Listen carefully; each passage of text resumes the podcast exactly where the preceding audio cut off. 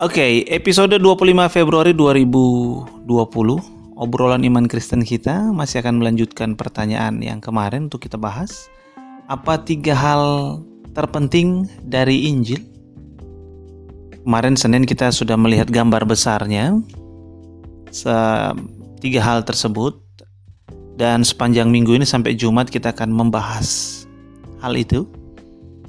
Dan khusus hari ini Selasa kita mau lihat hal pertama dari tiga hal tersebut yaitu Bapa. Ya, hal pertama yang paling penting dari Injil adalah Bapa. Bapa adalah sumber dari Injil. Bapa adalah pikiran dari Injil. Bapa adalah ide Injil. Jadi kalau ada pertanyaan Injil itu berasal dari mana? Kita bisa bilang dari Bapa. Apakah Injil itu direncanakan? Kita menjawab ya. Siapa yang merencanakan Injil? Kita menjawab Bapa atau Allah Bapa. Bapa inilah sumber dari semua hal yang baik.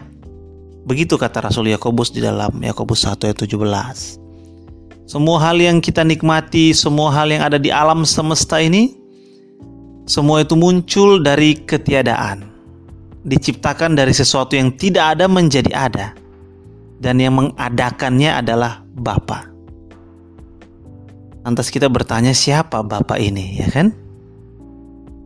Dari Yesus Kristus kita tahu siapa Bapa ini.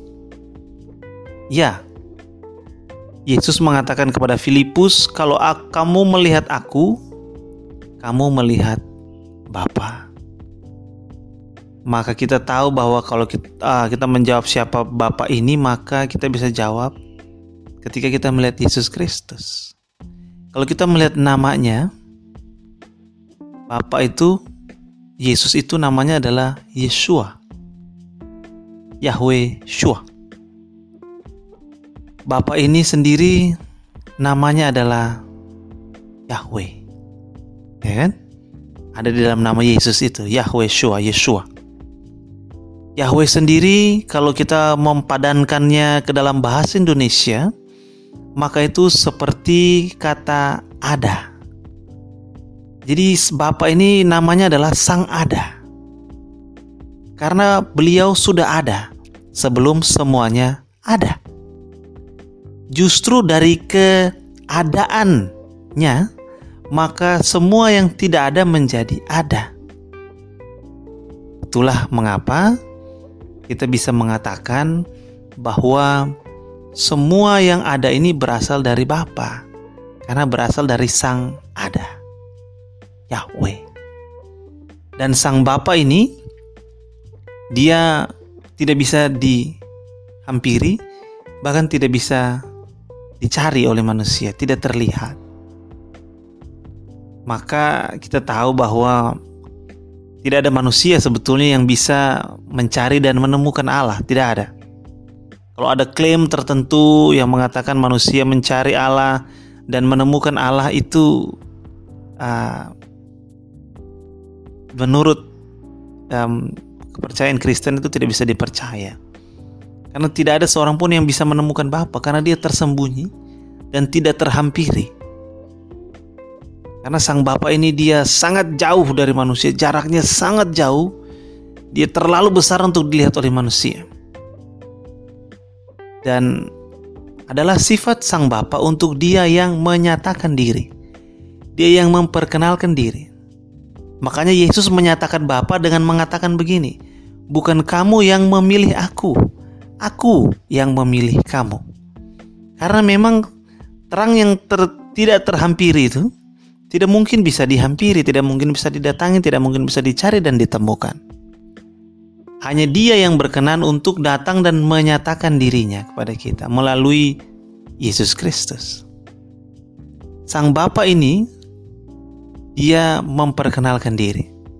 Dia menyatakan diri. Dan karena dia menyatakan diri dan karena dia memperkenalkan diri maka manusia bisa mengenal Allah Bapa. Walaupun manusia tidak bisa mencari dan menemukan Allah Bapa, tetapi karena Allah Bapa yang menyatakan dirinya, maka manusia bisa mengenal Allah Bapa. Bagaimana caranya? Kita bisa lihat dari sejarah penyembahan Israel.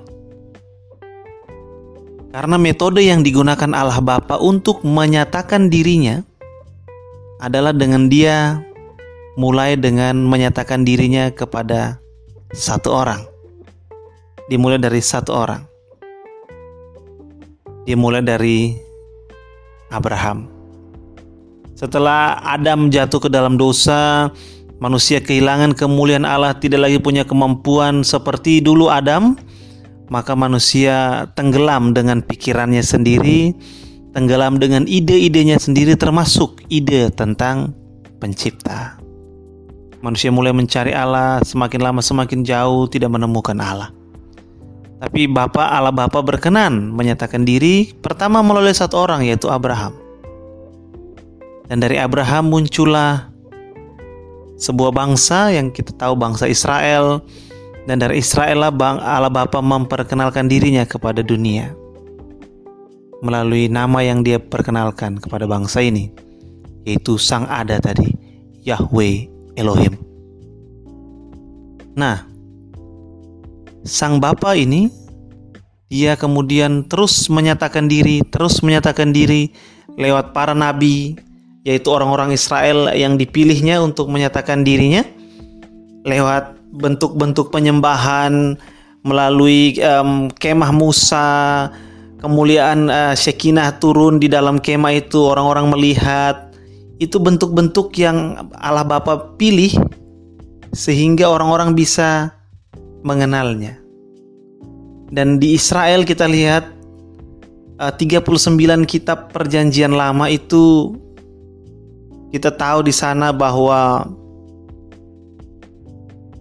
Allah Bapa menyatakan diri terus-menerus kepada manusia melalui bangsa Israel. Jadi waktu itu bukan hanya Israel yang melihat, tetapi bangsa-bangsa di sekelilingnya melihat.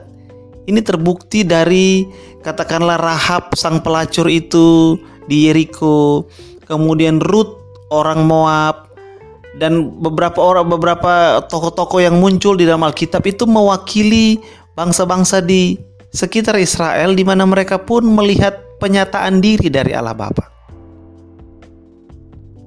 Jadi Allah Bapa ini menyatakan dirinya kepada Israel dan kemudian sepanjang 39 kitab ada satu hal yang tersirat bahkan dalam satu dua teks tersurat bahwa akan ada penyataan diri yang lebih jelas lagi, lebih jelas daripada Shekinah di kemah Musa, Shekinah di uh, ruang Maha Kudus uh, Bait Salomo lebih jelas daripada um, penyertaan Allah Bapa ketika Israel kembali dari pembuangan um, Babel dan Syria. Tersirat dan tersurat yang menyatakan bahwa akan ada seorang hamba yang datang untuk menyatakan Allah Bapa. Dan kita tahu pada awal kitab Injil Matius, maka orang tersebut bernama Immanuel, yang berarti Elohim menyertai atau menemani kita. Yesua, Yahweh Shua, Yahweh yang menolong. Dia ada untuk menolong. Jadi sang bapak ini dia terus menyatakan dirinya mulai dari zaman Abraham sampai dengan zaman Yesus Kristus datang ke bumi untuk menyatakan siapa Bapak itu. Dari sini kita melihat bahwa sumber dari segala sesuatu itu dialah yang merencanakan kabar baik itu. Dia yang terus menyatakan diri. Dia yang terus ada untuk menolong. Dia yang memang terus ada sepanjang sejarah Israel untuk menyatakan diri terus-menerus. Karena memang manusia tidak bisa melihat Allah. Tidak bisa mencari dan menemukan.